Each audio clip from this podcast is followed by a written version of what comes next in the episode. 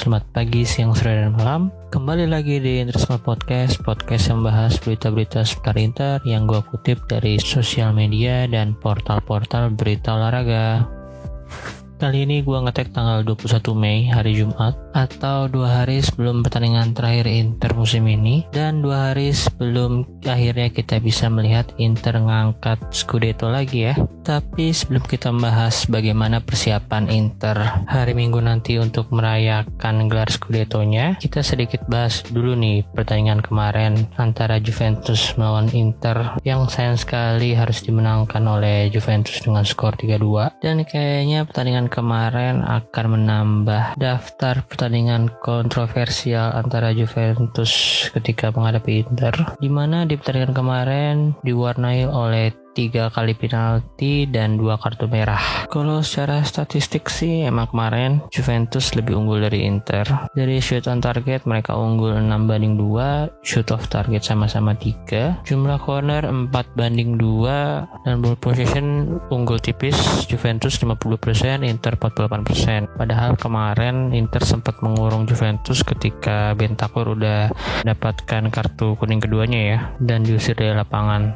Walaupun Juventus kemarin menang, tapi yang disorot oleh banyak orang dan media justru adalah wasit yang memimpin pertandingan kemarin yaitu Calvarese. Emang rese nih orangnya ya. Gimana enggak seorang legenda Juventus Del Piero aja mempertanyakan atau meragukan tiga keputusan penalti dari sang wasit, apalagi penalti kedua yang diberikan untuk Juve saat Cuadrado dalam kurung melanggar dirinya sendiri atau yang biasa disebut diving. Dan dari banyak cuplikan replay yang beredar juga kelihatan banget kalau justru malah kakinya si Cuadrado itu yang nyamperin kakinya Perisic sebelum dia jatuh.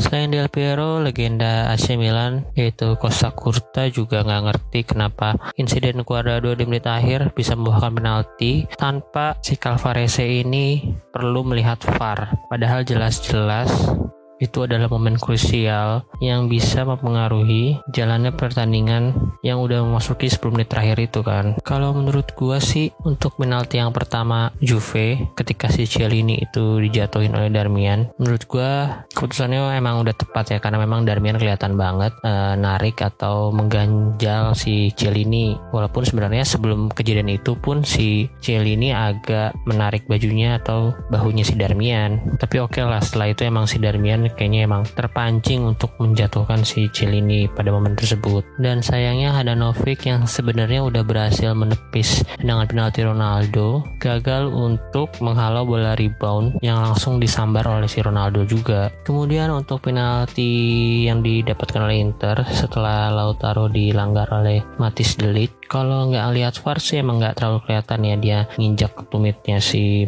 Martinez. Cuman kemarin VAR untungnya dipakai dan emang walaupun kayaknya nggak sengaja si Delit benar-benar nginjak tumitnya si Martinez. Dan kalau menurut rule of the game ya murni penalti itu karena adanya kontak di kotak penalti. Kemudian Inter melakukan kesalahan sendiri setelah di menit-menit akhir babak pertama justru Inter melonggarkan serangan dan memberikan possession terakhir untuk Juventus. Dan kali ini Cuadrado bisa memanfaatkan bola liar setelah crossing dari pemain Juventus berhasil dihalau oleh back Inter tapi bolanya nggak jauh jatuh dari depan kotak penalti Kemudian Cuadrado menendang dari jarak yang cukup ideal dan bolanya sempat terdeflect oleh pemain Inter gue lupa ya kayaknya Erikson deh kalau nggak salah atau Perisic gitu. Dan seperti yang kita udah tahu semua, bola deflection adalah bola yang paling sulit atau kelemahan terbesar dari Samir Handanovic. Entah kenapa kalau bola udah terdeflect itu kayaknya Handanovic udah males banget untuk mengambil bolanya atau udah kaget gitu kalau bolanya nyamperin mengarah ke badan atau mukanya. Kayak kemarin tuh sebenarnya bolanya itu nggak jauh banget dari kepala sama tangan kanannya. Kan kayaknya emang refleksnya Handrovic udah berkurang jauh ya. Jadi bola itu bisa langsung meluncur ke gawang Inter di akhir babak pertama. Kemudian 10 menit berjalan di babak kedua, Rodrigo Bentancur diganjar kartu kuning keduanya setelah melanggar kaku ya. Harusnya sih momen kartu merahnya Bentancur itu bisa dijadikan turning pointnya Inter ketika melawan Juventus kemarin ya. Dan walaupun setelah itu Inter langsung menguasai pertandingan dan mengurung pertahanan Juventus, pas nonton sih gue juga gak yakin Inter bisa menang walaupun udah main dengan 10 versus 11 pemain. Karena Juventus juga pasti akan menunggu di pertahanan Inter aja dan paling menyerang lewat counter attack. Dan seperti yang udah kita tahu dan alami di pertandingan pertandingan Inter sebelumnya ketika melawan tim yang defensif Inter tuh selalu susah atau buntu untuk mencari celah yang bisa menghasilkan gol atau seenggaknya mengancam lah Apalagi kemarin Alexis Sanchez nggak bisa bermain atau Conte nggak mau memaksakan kondisi Sanchez yang belum 100% kayaknya. Karena menurut gua dalam kondisi kayak kemarin cuman Alexis Sanchez yang bisa merubah jalannya pertandingan Inter. Sebenarnya Conte kemarin mencoba melakukan pergantian dengan masukan Sensi untuk menggantikan Erikson. Kayaknya sih dia menginstruksikan si Sensi untuk berperan seperti Sanchez. Dan sebenarnya menurut gue Sensi itu bisa karena di musim-musim kemarin kemarin di awal musim kemarin itu Sensi juga tipe pemain yang bisa dribble dan memberikan kipas-kipas ke striker atau wingnya Inter. Cuma kan emang performanya Sensi dalam beberapa pertandingan ini belum terlalu kelihatan banget dan kayaknya menurun dari ketika dia baru-baru bergabungan Inter. Jadi kemarin masukan Sensi juga kurang efektif dan Inter baru bisa mencetakkan gol penyeimbang itu pun dari skema crossing ya. Melalui gol bunuh dari Giorgio Cellini. Gol itu pun ada dramanya dulu. Sebelum melihat VAR, si Calvarese ini menyatakan kalau Lukaku melanggar si Cellini dulu sebelum Cellini jatuh dan bolanya terkena kaki Cellini hingga berganti arah masuk ke gawang. Tapi untungnya setelah melihat VAR kita bisa lihat kalau Cielini lah yang lebih dulu menarik baju dan badan Lukaku sebelum akhirnya dia jatuh sendiri tuh. Untungnya si Calvarese ini mengesahkan gol tersebut dan memberikan kartu kuning ke Cielini. Sebenarnya yang dilakukan Cielini itu cerdik atau dalam kurung licik lah. Karena dia tahu dengan umur yang udah nggak muda lagi dia nggak mungkin bisa untuk mengimbangi Lukaku. Tapi di sini dia berusaha cerdik dengan playing victim ya dalam kurung saat berduel atau berhadapan langsung dengan Lukaku. Tapi kalau untuk sepak bola modern zaman sekarang karena udah adanya VAR, harusnya sih trik-trik kayak gitu udah sangat sulit ya untuk dilakukan. Apalagi kalau emang bener wasit VAR-nya dan wasit di lapangannya pun tegas gitu dan komunikasi dengan baik. Kalau zaman dulu sih sebelum adanya VAR, gue yakin kalau si ini melakukan hal seperti itu nggak akan dianggap diving atau melanggar pemain yang lagi offense gitu. Ya untungnya zaman sekarang udah ada VAR ya. Jadi bisa mengurangi hal-hal licik yang bisa mencederai fair play di sebuah pertandingan sepak bola. Kemudian gol terakhir gol yang dicetak oleh Cuadrado di menit ke-88 dari titik penalti. Eh gue nggak bisa komen apa-apa lagi dah. Udah jelas-jelas itu Cuadrado yang nyamperin kakinya Perisik tapi kenapa si Calvarese ini nggak mau melihat VAR padahal menit masih 88 loh. Belum masuk injury time. Kalau masuk injury time pun masih bisa ditambahin kan kayak biasanya Padahal nama lu itu ada VAR-nya loh Calvarese. Ya mendingan lu ganti nama aja jadi Kalese lah VAR hilangin dah tuh. Mungkin si Calvarese ini juga pengen masuk di dalam sejarah sepak bola Liga Italia ya. Setelah sebelumnya pasti kita udah tahu juga kan insiden yang paling terkenal antara Juve versus Inter itu di tahun 98 ketika Inter bertandang ke Dele Alpi di mana posisi Inter di klasmen itu ada di peringkat kedua saat itu di bawah Juventus dengan hanya selisih satu poin. Sebelum melawan Juve itu Inter udah menang 6 kali berturut-turut di Serie A dan performanya lagi bagus. Ronaldo juga lagi bagus-bagusnya. Cuman waktu itu ada insiden di mana Mark Juliano melanggar Ronaldo jelas-jelas nggak mengenai bola, menahan laju Ronaldo ketika berhasil mengolah bola di kotak penalti. Tapi wasit saat itu yaitu Piero Cecarini sama-sama C lagi di namanya. Calvarese, Cecarini, Cuadrado aduh ini juga nambah aja tuh. Setelah Cecar ini membiarkan kejadian itu Juve langsung melakukan counter attack menyerang lewat sayap kiri. Kemudian Zidane memberikan true pass ke daerah kotak penalti. Bola mengarah ke Del Piero dan Del Piero dianggap dilanggar oleh back Inter saat itu dan di momen itu Cecar ini memberikan penalti ke Juventus. Dan saat itu pemain-pemain Inter langsung nyamperin wasitnya, ngerebutin, ngerubungin dan kapten saat itu adalah Pak Liuka sama nih kayak Handanovic sama-sama kiper posisinya. Juga ikut memprotes sayangnya si Cecari ini tetap menghadiahkan penalti ke Juventus. Walaupun sebenarnya Del Piero yang jadi eksekutor pun gagal mengeksekusi penaltinya dengan baik karena berhasil dihalau oleh si Gianluca Pagliuca Udah deh segitu aja dulu. Kalau ngomongin kontroversial Juventus versus Inter pasti nggak bakal ada habisnya. Dan mungkin kayaknya gue akan membahas itu di satu episode sendiri ya. Dan kayaknya mungkin akan gue bahas dari sisi yang berbeda. Mungkin gue juga akan mengundang seorang Juventini juga di podcast ini. Karena ya mungkin aja ada kontroversial di pertandingan antara Juventus lawan Inter yang menguntungkan sisi Internya. Kan kita nggak tahu selama ini kan kita hanya melihat kontroversial ketika menguntungkan Juventus doang atau ketika merugikan Inter. Kalau gue sih belum tahu nih apakah emang ada tuh yang momen-momen yang menguntungkan Inter ketika sedang menghadapi Juventus. Oke langsung aja. Selanjutnya kita bahas berita-berita seputar Inter seminggu terakhir ini Yang masih hangat banget kemarin Dan sudah diberitakan oleh beberapa media juga. Kalau udah ada pengumuman resmi Bahwa Suning sudah mencapai kesepakatan dengan Oaktri Capital Management. Kalau dari laporan Calcio e Finanza Suning telah menjaminkan 68,55% saham mereka di Inter Sebagai jaminan dalam kesepakatan Peminjaman sebesar 275 juta euro. Dan hal itu berarti berarti Oktri bisa menjadi pemilik baru klub jika Suning tidak dapat melunasi pinjaman tersebut dalam jangka waktu tiga tahun ke depan. Namun dalam pernyataan resminya, Inter tidak menjelaskan apakah Oktri akan menggantikan Lion Rock Capital sebagai pemegang saham minoritas klub seperti pemberitaan yang pernah kita dengar sebelumnya, tapi si Calcio Finanza ini mengkonfirmasi kalau Suning akan menggunakan 33 juta euro dari 275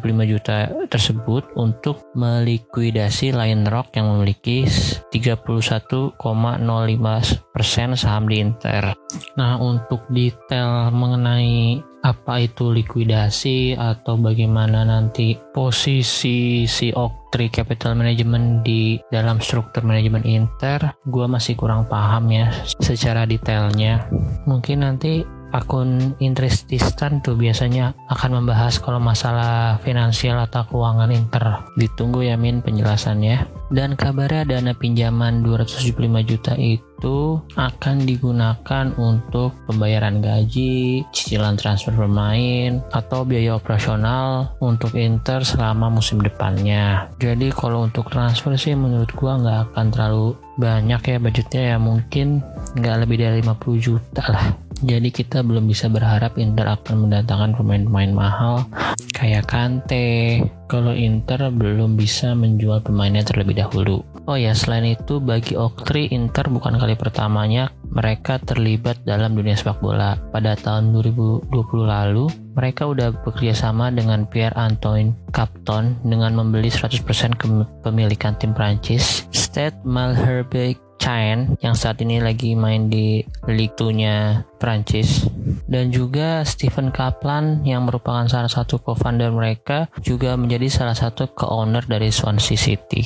Sebenarnya sih ini berita baik ya untuk Inter dan manajemen karena dengan dana yang lumayan besar bisa memberikan oksigen yang dibutuhkan bagi keuangan Nerazzurri saat ini yang sangat terdampak akibat pandemi COVID-19 ini.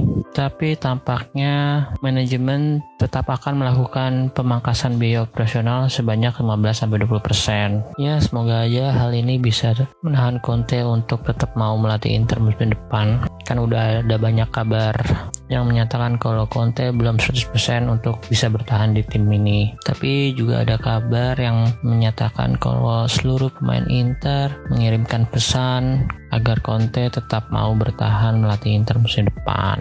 Tapi namanya Inter ya tetap bakal ada berita-berita negatif ya. Kalau untuk masalah Oktri ini, Inter juga udah mulai dikaitkan apakah akan senasib sama dengan tim kakak yaitu AC Milan yang tahun 2018 lalu juga melakukan kesepakatan seperti dengan Oktri ini. Cuma waktu itu dengan antara manajemennya Yo Hong Lee dengan manajemen Elliot yang sekarang udah mengambil alih AC Milan karena Yo Hong Lee nggak bisa membayarkan hutangnya dalam tengah waktu yang ditentukan. Ya semoga aja Suning lebih baik dari itu ya. Dan gue yakin sih emang Suning jauh lebih baik dari Hong Lee karena ya udah terbukti sampai sekarang Suning hanya terganjal dengan peraturan pemerintah Cina dalam masalah investasinya di luar negara Cina itu. Oh iya kabarnya dengan resmi masuknya Oaktree Capital Management ini sponsor utama Inter untuk musim depan katanya nih ya nggak akan berasal dari Asia lagi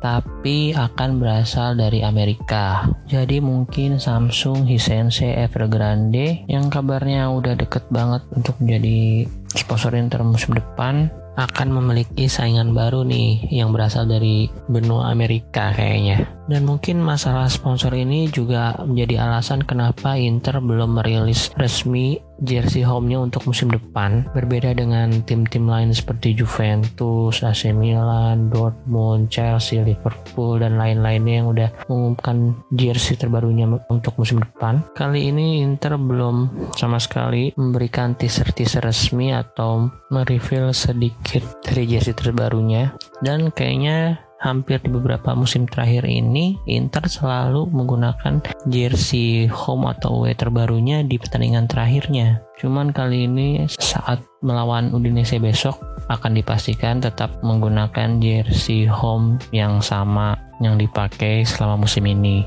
Dan pertandingan terakhir besok melawan Udinese di Serie A musim 2020-2021 menjadi terakhir kalinya kita melihat logo Pirelli di dada para pemain Inter. Goodbye Pirelli.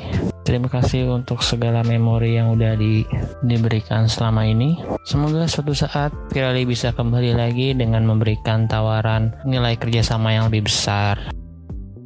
Oke, kita lanjut ke berita persiapan perayaan Scudetto ke-19 Inter di akhir pekan ini. Kabarnya Inter melalui Lega Serie A sudah melayangkan permintaan kepada pemerintah untuk mengizinkan 1000 orang hadir di San Siro pada laga Inter melawan Udinese Kuota 1000 orang itu akan diberikan kepada sponsor, pekerja di klub, dan keluarga-keluarga dari para pemain. Jadi nggak ada sama sekali tiket yang dijual untuk laga nanti, hanya sebuah undangan untuk menghadiri perayaan Scudetto kepada orang-orang tertentu doang. Terus kalau menurut klub Republika mengabarkan kalau Inter juga diizinkan untuk menggunakan area parkir di luar San Siro untuk dipadati fans mereka dengan kapasitas yang disediakan sekitar 4.500 orang. Jadi semoga aja perayaan gelar Scudetto kali ini vibes-nya akan tetap sama dengan Scudetto-Scudetto yang udah di terima Inter sebelumnya. Apalagi untuk para pemain, bagi mereka yang belum pernah merasakan juara, pasti ini akan sangat emosional ya untuk mereka. Tapi melalui sosial media resminya juga Inter mengepost sebuah gambar yang mengajak para fans Inter untuk stay safe dan celebrate responsibly. Jadi yang penting untuk seluruh fans Inter yang ada di seluruh dunia, kalian boleh merayakan kemenangan Inter tapi tetap dengan tanggung jawab memenuhi protokol-protokol kesehatan yang sudah ditetapkan di daerahnya masing-masing. Selain itu baru aja juga Inter memberikan teaser lagi tentang lagu baru Inter yang akan dirilis dengan judul I'm Inter yang dinyanyikan oleh Mirko featuring Katerina yang akan menggantikan lagu Paza Inter Amala yang biasanya berkumandang baik sebelum atau setelah pertandingan Inter di Giuseppe Meazza.